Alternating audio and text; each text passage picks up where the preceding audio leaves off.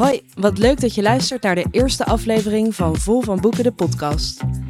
Mijn naam is Anne Romee Koeberg en voor deze podcast bezoek ik boekhandels in heel Nederland. Om boekverkopers te vragen naar hun favoriete boeken, hun belevenissen in de winkel en over titels die je echt niet mag missen. Daarnaast is er in iedere aflevering een auteur te gast die vertelt over zijn of haar nieuwste boek. Kortom, een half uur boordevol boekeninspiratie en leestips van kenners. Vandaag ben ik bij de Larense Boekhandel en spreek ik met Kirsten Pietersen. Daarna vertelt Tommy Wieringa ons over zijn nieuwe roman Nirwana. Hoi Kirsten, wat Hoi. leuk dat wij hier te gast bij jou mogen zijn in de Larense Boekhandel. Nou, heel leuk dat jullie er zijn. Wat een eh, bijzondere setting hoe we hier zo zitten, midden in de winkel, Tussen alle boeken. tussen alle boeken. Nou, eigenlijk geen betere plek eh, om een podcast op te nemen over boeken. Kan je me iets meer vertellen over de Larense Boekhandel? Eh, de Larense boekhandel zit er al heel lang. Geleid door Annelies, nu inmiddels eh 32 jaar. Maar daarvoor was het al een andere boekhandel. Eh, voor Laren is het echt een begrip omdat er al heel erg lang een boekhandel zit. Ik werk hier zelf inmiddels 16 jaar volgens mij, zo, zoiets. We hebben echt een heel vast team met mensen die er allemaal al heel lang zitten. Weinig verloop, maar eh, dat maakt het heel gezellig. Ja, dat kan ik Ja, me voorstellen. ja. En eh, misschien ook een vaste klantenkring dan, als jullie al zo lang hier een begrip in Laren zijn. Ja, we hebben echt een, eh, een vaste klantenkring. Dat merk je wel. Je bent als, ehm, als boekhandel heb je niet alleen een functie om dingen te verkopen of dingen aan de man te brengen. Maar je merkt dat je echt wel een sociale functie hebt. We krijgen ook zo vaak kaartjes van mensen of eh, mensen die komen vertellen hoe lang ze hier al komen. Het is, het is voor mensen echt wel belangrijk. En eh, Laren is een redelijk eh, grijze gemeente. En mensen wonen hier lang. En ik ben met mensen opgegroeid, zal ik maar zeggen, in die tijd dat ik hier zit. En een grijze gemeente, dan is het misschien een stereotypering van mij om te denken dat dat misschien ook mensen zijn die veel lezen. Nou, dat, dat klopt wel. Het is een ontwikkelde gemeente. Het zijn echt wel mensen die veel lezen en ook weten wat ze willen. Wat ze willen, wat ze willen hebben of wat ze willen. eh, ze zijn heel gericht. En je, maar je merkt wel, het is inderdaad een grijze gemeente, maar je merkt nu dat er echt wel wat meer jongen aanwas komt. En dat is toch wel weer heel fijn eigenlijk. Ja, en ik zag net ook al de nieuwe Sinterklaas van Charlotte Desmaton liggen. En je vertelde dat die ook eh, al de winkel uitvliegen. Die vliegt echt de winkel uit en eh, ik denk dat de oplage zo op is. Maar Nou, dat ja, is hij is ook nieuws. prachtig. Het is gewoon echt een, echt een heel mooi boek. Ik vind dat ze dat zo mooi gemaakt heeft, eh, Charlotte. En je ziet hoeveel plezier ze heeft in dat, dat tekenen en in, Ja. het, in dat bedenken van dat boek. Dus het, nou, terecht dat, dat, dat het zo goed gaat, nu al. Ik was nog wel benieuwd naar eh, wat doet het nou goed in de winkel? Je zei wat literairder allemaal, maar wat, eh, wat gaat er op het moment hard bij jullie? Nou, literair en heel veel eh, dingen als geschiedenis en, en eh, non-fictie, dat doet, dat doet het eh, goed eh, bij ons. Wat het heel goed doet, zijn boeken over het Koningshuis, dat boek over Bernhard. Dat, eh, dat, vliegt de winkel wel- uit. Dat vliegt de winkel uit, maar ook de dingen die nu over eh, Rusland, Israël, toch terwijl de actuele Mensen komen toch ook wel even langs om, eh, om bij te lezen. Mensen komen wel langs om bij te lezen, ja. En mensen houden ook echt wel de kranten bij en komen echt heel vaak met eh, stukjes of boeken die ze bestellen omdat ze het in de krant gelezen hebben. Dus dat zijn echt wel de, nou ja, ja politiek, geschiedenis, dat soort, eh, dat soort boeken doet het goed. En zie je dat, eh, heb je in de, in de loop der jaren, heb je daar verschil in gezien? Of is dat eigenlijk altijd wel een beetje zo geweest? Ehm, nou, dat vind ik nog wel een moeilijke vraag. Het is, het is altijd wel een beetje zo geweest. Maar je merkt wel dat er verschil is in het lezen van literatuur. Daar, eh, daar merk je echt verschil in. Mensen gaan toch wat meer voor de lichtere literatuur. En eh, je merkt toch wel dat literatuur wat dat betreft wat onder druk staat. Ja. En dat mensen gewoon eh, behoefte hebben aan een, eh, aan een lekker boek. Dus de zware kost om bij te lezen afwisselen met een wat luchtiger... Of is het ja, toch een ander ja, publiek dat dat, ermee dat, is toch wel weer, dat is echt wel ander publiek. het is niet dat ze eerst Harari lezen en daarna Sophie Kinsella om Toch lekker niet? te lezen. Nee, dat niet. Wat is een boekentip van jou op dit moment? Nieuwe boeken die zijn binnengekomen waarvan je zegt... nou, dit moeten de lezers echt... Nou, ik vond Nirvana vond ik echt wel een geweldig boek. Het zit gewoon heel goed in elkaar. Hij kan echt wel heel goed schrijven. Hij kan in één zin een hele situatie schetsen. Dat vind ik echt heel knap van Tommy Wieringa. En dat hij ook heel verschillende boeken schrijft. En uh, de een uh, vind ik wat mooier dan de ander. Maar ik vond dit echt wel weer een, uh, een geweldig boek. En um, ik zit even om me heen te kijken wat ik, ja, wat, ik net heb, wat ik net heb gelezen. En nou, wat ik heel mooi vind, maar dat is al van vorig jaar, van Tove Ditlevsen. Dat vind ik hele mooie boeken. Maar dat zijn dan weer niet boeken voor iedereen. Zeg. Dat is, uh, en zoals die Nirvana kan je echt bijna aan iedereen ja. aan. Dat vind ik, ik vond hem gewoon echt... Uh, er zit ook lekker veel vaart Er zit veel in, vaart je door. in, het is goed geschreven. Er ja. zit gewoon echt een verhaal in. Uh, ja, ik was echt wel onder de indruk. En stel je voor dat jij zelf Tommy Wieringa nog een vraag zou mogen stellen. Heb je er toevallig eentje? Oh. Iets wat wij straks... Te, want ik ga natuurlijk zelf ook nog met Tommy Wieringa spreken. Dus dan kan ik het even voor je vragen. Nou, wat ik wel leuk vond in het boek was dat concept van hem dat hij zichzelf erin schrijft. Ja, dat vond ik zelf ook heel grappig. Dat vond ik heel leuk. Ik had, ik had wel zo. Uh, ik, van als dit straks het hele boek doorgaat, dan weet ik niet of ik het dan nog leuk vind. Maar dat, dat deed hij dus ook helemaal niet. Ik ben wel benieuwd hoe hij dat uh, vorm heeft gegeven. En of hij zelf ook dacht van nou, nou zit ik er wel genoeg in. Of, uh, of ik ga het zo doen. Wat, of, of hij dat helemaal van tevoren zo uitgedacht heeft. Dat, uh, nou, ik ga, het, uh, ik ga het hem vragen ja, voor je. Nou, heel goed. Dank je wel goed. voor dit uh, gesprek. Ja, nou, jij en bedankt ook. Ik heb genoten om hier zo te zitten in deze prachtige boekhandel. Dus luisteraars, breng vooral een keer een bezoekje aan de Larense boekhandel. Inmiddels is het een paar weken later en ben ik bij Tommy Wieringa thuis om het over zijn boek Nirvana te hebben. Ontzettend leuk dat ik daarover mag komen spreken. Is dit, om het maar even zo op zijn MTV te zeggen, Where the Magic Happens? Is dit waar je schrijft? Hier? Nee, um, nou, dit, is, gelukkig een, een vrij groot huis. Dus ik kan op een aantal plekken werken. Want als je te lang op één plek zit, dan, of als ik te lang op één plek zit, dan ga ik me vaak vervelen. Dus ik heb hier de luxe dat ik eigenlijk per verdieping kan uh, verhuizen. Net waar het even goed voelt. Nou ja, waar, waar niemand is. Ja, ja, dat is natuurlijk ook ja. belangrijk. Nee, het is wel echt het is een, het is een gezinshuis. Dus de, de, de, die dynamiek die maakt dat ik, uh, dat ik ja, toch vaak elders zit. Ja, en um, je boek is al even uitgekomen. Je zit midden in een boekhandelstournee. Ja. Hoe beleef jij zo'n periode? Ja, dat, dat, dat, dat is na zoveel jaren. Kijk, ik, bedoel, ik heb voor Nirvana veel in archieven gezeten. Ik heb veel met uh, veel mensen gesproken. Ik heb, ben veel op, erop uit geweest om onderzoek te doen. Maar het is allemaal in relatieve stilte. En ook het schrijven zelf is een stilte. Dus nu is het opeens een, alsof er een soort uh, rumoer is losgebarsten. Dat, uh, en dat duurt nog even door. Maar goed, het is, het is iets goeds om te doen, om er veel op uit te gaan. Want ja, die boeken die moeten toch naar die lezer toegebracht worden. En dat, dat is wel toenemend zo. En waar voel je jezelf prettiger bij? Bij die stilte van het schrijven of juist bij het rumoer? Oh, nee, het hoort dat, dat, dat na het schrijven, weet je, dan, dan komt er die periode van, ja, het is toch ook transactioneel. Mhm. Mm -hmm. um, en ik vind het heel leuk om over dit boek te praten. Dus het gaat me, gaat me niet moeilijk af. Het boek heeft veel onderwerpen die mijn wezenlijke belangstelling hebben. Oh, en daar kan ik uh, uren over praten. Nou, gelukkig ik loop maar. ik elke avond uit. nou ja, dat is altijd goed Ja, natuurlijk. ja, ja. Zou je mij kort willen vertellen waar Nirvana over gaat? Eigenlijk zou ik die vraag principieel niet moeten beantwoorden, want ik heb juist mijn best gedaan op een boek van 500 pagina's. Dus Ja.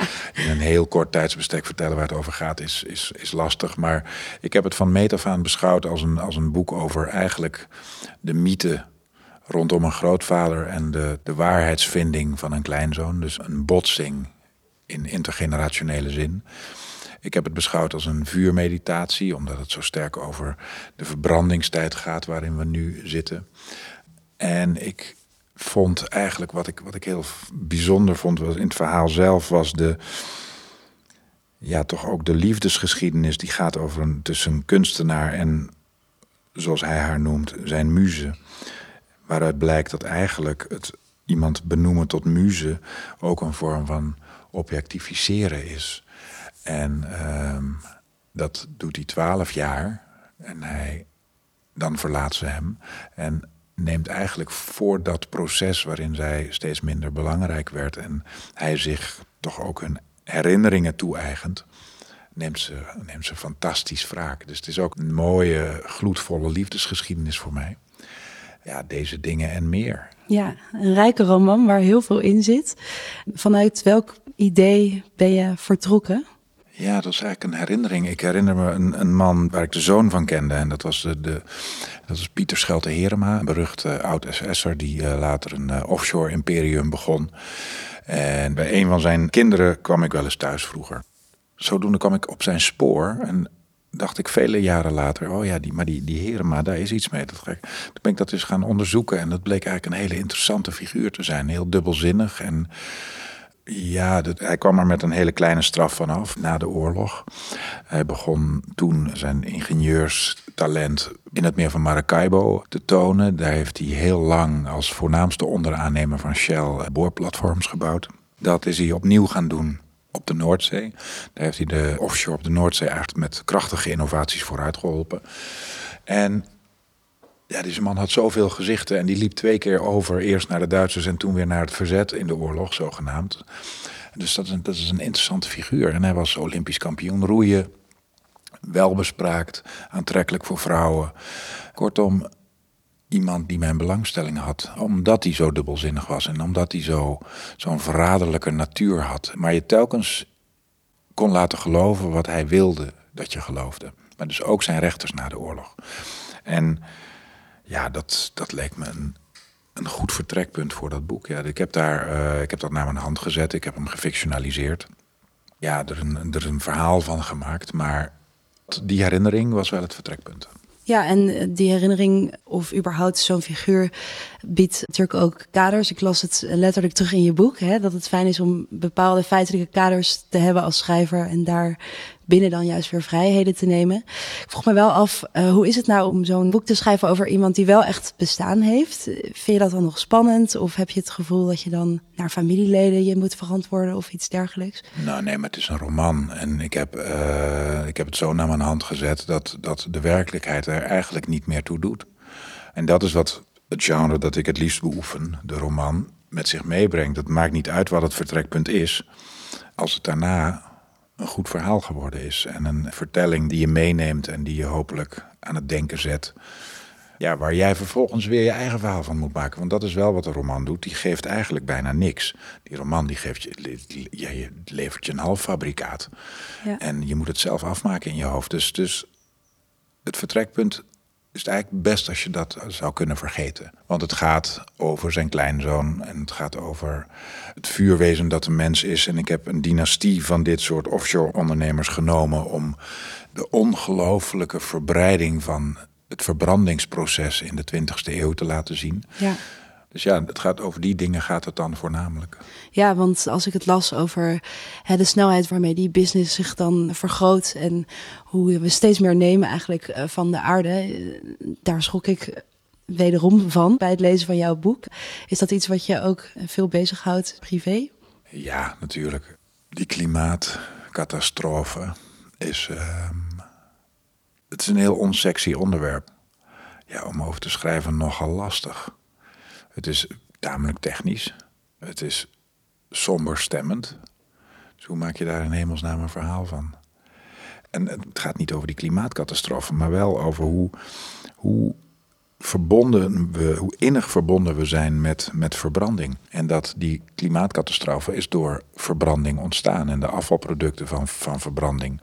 En ja, ik vind, het, ik vind het onderbaarlijk om te zien dat we zijn bijna lijken te zijn vergeten dat dat het daaraan te wijten is. Onze dagen, onze jaren, ons hele leven staat in het teken van verbranding. Onder alles wat we doen smult een vuurtje. En dat realiseer je je niet meer. Want zelfs de schoorstenen zijn nu uit het landschap verdwenen. De schoorsteen was natuurlijk een prachtig symbool van verbranding. Maar we zien geen schoorsteen meer. Dus het is allemaal verplaatst naar plekken waar we het niet meer zien. En behalve wanneer we het fornuis aansteken als je nog op gas uh, kookt. Maar verder zie je eigenlijk in je huis ook nauwelijks meer vuur. Nee. Terwijl in elke lamp kijk je in de zon en kijk je naar een verbrandingsproces. Elke keer als je je telefoon oplaadt of je computer en je steekt de stekker in, in de wandcontactdoos, verbranding. Want ergens aan het begin van de lijn gaat dat gepaard met verbranding. Je laat je telefoon dus met fossiele brandstof. Ja, en dat vergeten we graag, denk ik, uh, Ja. af en toe. Ja, het is een fantastisch gegeven. En, en als je er eenmaal, als je eenmaal zo naar de wereld gaat kijken, dan, ja, dan wordt het bijna een soort psychotische toestand. Want dan kun je het nooit niet meer zien. Ja, dan wordt het heel moeilijk inderdaad. Ja, en dat is natuurlijk één heel groot onderwerp in het boek. Maar het andere, eh, even zo'n grote onderwerp, is de soort erfenis die je hebt van je, van je familieleden en natuurlijk de Tweede Wereldoorlog. Eh, hoe was het voor jou om die twee thema's samen te brengen? Nou, de roman is daar de beste plek voor. Een historicus onderzoekt periodes, eh, maar, maar de, de, de, de meer, ja, hoe zou ik het zeggen, de meer poëtische lijnen en de fa- fam- familiale lijnen en hoe, een, hoe een, zo'n oorlog doorwerkt in een familiegeschiedenis. Ja, daar is de roman uiterst geschikt voor. Om te tonen hoe, hoezeer het verleden nog altijd doorwerkt, ook in ons bestaan. Ik zat in het archief en ik las over de toespraken die Herema hield voor eh, Utrechtse studenten bijvoorbeeld. Over eh, de zegeningen van het nationaal socialisme. En dan kwam ik buiten en daar was het fascisme weer in, eh, in, in, in opkomst. In een nette vorm weer. En neofascisme in een eh, in pure vorm. Dus het archief bestuderen betekent het nu bestuderen. Ja, dat heb ik nog nooit zo krachtig in werking gezien als eh, toen ik met dit boek bezig was. Hoe ziet zo'n onderzoek eigenlijk eruit wat jij dan doet? Er zitten denk ik heel wat uren in. Ja, maar dat is, dat is goed besteden tijd hoor. Het is heerlijk om te verdwalen in een archief en elk zijpad in te slaan dat er maar is. En, en, en elke zijweg levert ook onmiddellijk weer nieuwe verhalen op. En eh, alle dagboeken, ik heb veel, veel van die oorlogsdagboeken gelezen. En nee, daar, komt zoveel uit tevoorschijn. En die geschiedenis is zo krankzinnig rijk. En die archieven zijn ook. Ik ervaar diepe dankbaarheid voor het bestaan van archieven. Waar het papier heel geduldig rust. Tot er iemand komt en het ontsluit en het, het gaat lezen en verbanden aanbrengt. En de veelkleurige detaillering van zo'n tijdvak gewoon uit zo'n archief kan halen. Want je zou geneigd zijn te denken, als je oppervlakkig denkt, dat het stoffig is en oud. Maar begin maar eens met lezen en ja, alles springt tevoorschijn in, in, in meerstemmig, veelkleurig. Nee, dat is een levende plaats, het Mooi. Maakt dat dit ook een, een belangrijk boek eh, voor jou? Ja, nu nog wel. Maar straks ga ik aan een nieuw beginnen en, dan- en, dan, niet meer. Nee, dat is dat. dat Dat laat je ook makkelijk weer los. ja, als schrijver ben je natuurlijk wel een, een, een, opportunist en, en volstrekt. Ja, ik leef nu alweer tot toch in het boek dat ik wil gaan maken nog. En ehm, of hierna, ik ben er al zo'n beetje mee begonnen, met, tenminste met het denken erover en met lezen erover. En ja, dat is een gek soort ontrouw. Ja, dat kan ik me voorstellen. je- dan, dan laat je toch zo'n roman achter als een vervellingshuid. Ja. En eh, En dat terwijl je hem nu nog zo de, karavaan, het- de karavaan trekt verder. Ja, nog tijdens het, het promoten eigenlijk ervan is, hij al, eh, is de karavaan alweer vertrokken dus, als ik het goed begrijp. Zeker, je kijkt, als, ja, dat is zo. Ja. ja, en je reist natuurlijk als een raar soort schim je eigen verhaal na. Als een, als een profeet van je eigen vertelling. De ding is klaar en eh, er staat nog iemand over te praten. maar, maar het boek is klaar. En hoe vind je dat om, om je lezers dan te ontmoeten en, en te horen wat zij er misschien van vonden? Ja, dat is dit, dit boek. Ik ontmoet in die zalen ontmoet ik een, een geweldig lezersenthousiasme. Ja, dat, is, dat, is, dat, is, dat is tamelijk stimulerend, ja. Biedt het hoop Ook, dat er nou, weet je wat, wat, wat het leuke eraan is? Is, is de, dat de, de, de, de denkoefening die het boek ook is, dat, dat die heel erg aanspreekt. Mensen zijn echt opgetogen over dat, dat ze een beetje aan het werk gezet worden. En dat voldoet eigenlijk wel heel erg aan mijn stellige overtuiging dat een lezer nooit, nooit moet onderschatten. En als ik een, als ik een roman lees of, of iets anders en ik merk daarin dat de, dat de schrijver mij gaat uitleggen hoe het zit. Of uitgebreid gaat beschrijven wat hij voor zich heeft gezien. Denk ik, ja, maar vriend, dat kan ik zelf wel. je kunt met weinig toe als schrijver. Je mag de lezer uitdagen. Nou ja, het is een zonde om hem uh, te onderschatten. Ja. Ik heb hiervoor met Kirsten Pietersen gesproken bij de Larense Boekhandel. En die had nog een vraag voor jou. Uh, je voert jezelf ook op uh, als personage, spittend in dat archief waar we het net uh, al over hadden. en op een gegeven moment verdwijn je ook weer. En zij vroeg zich af, was dat altijd al de bedoeling? Of had je op een gegeven moment wel genoeg van nee, jezelf? nee, kijk, Wieringa, die, kijk, Hugo Adema, de zoon van, de kleinzoon van de, van de oud-SS'er in het verhaal.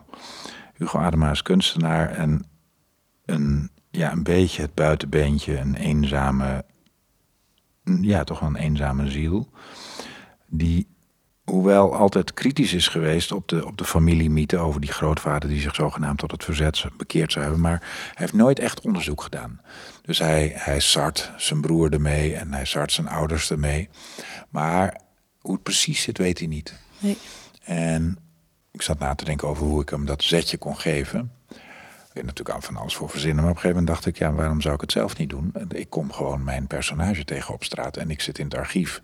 En ik ben lyrisch over, het, over dat archiefwerk. En ik kom daar de kleinzoon tegen. En ik kan de kleinzoon vertellen. Dus ja, maar zegt, weet je wel dat het, dat, dat het archief van je grootvader ligt op mijn, op mijn tafel nu. Dus je kunt, loop met me mee. Dan laat ik het je zien. En vanaf daar raakt Hugo, dus uh, de kleinzoon, die raakt op het spoor van waarheidsvinding.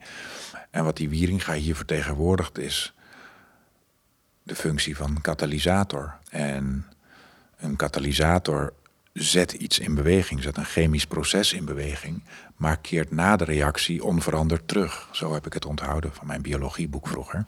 Keert na het proces onveranderd terug. En dat is waarom die Wieringa ook weer voor een deel verdwijnt. Nee, dus zijn werk was gedaan. Nou, duidelijk. Dat kunnen we weer aan Kirsten uh, laten weten. Ja. Zou je misschien het leuk vinden om nog een stukje voor te lezen, een passage die je Zeker. zelf mooi vindt?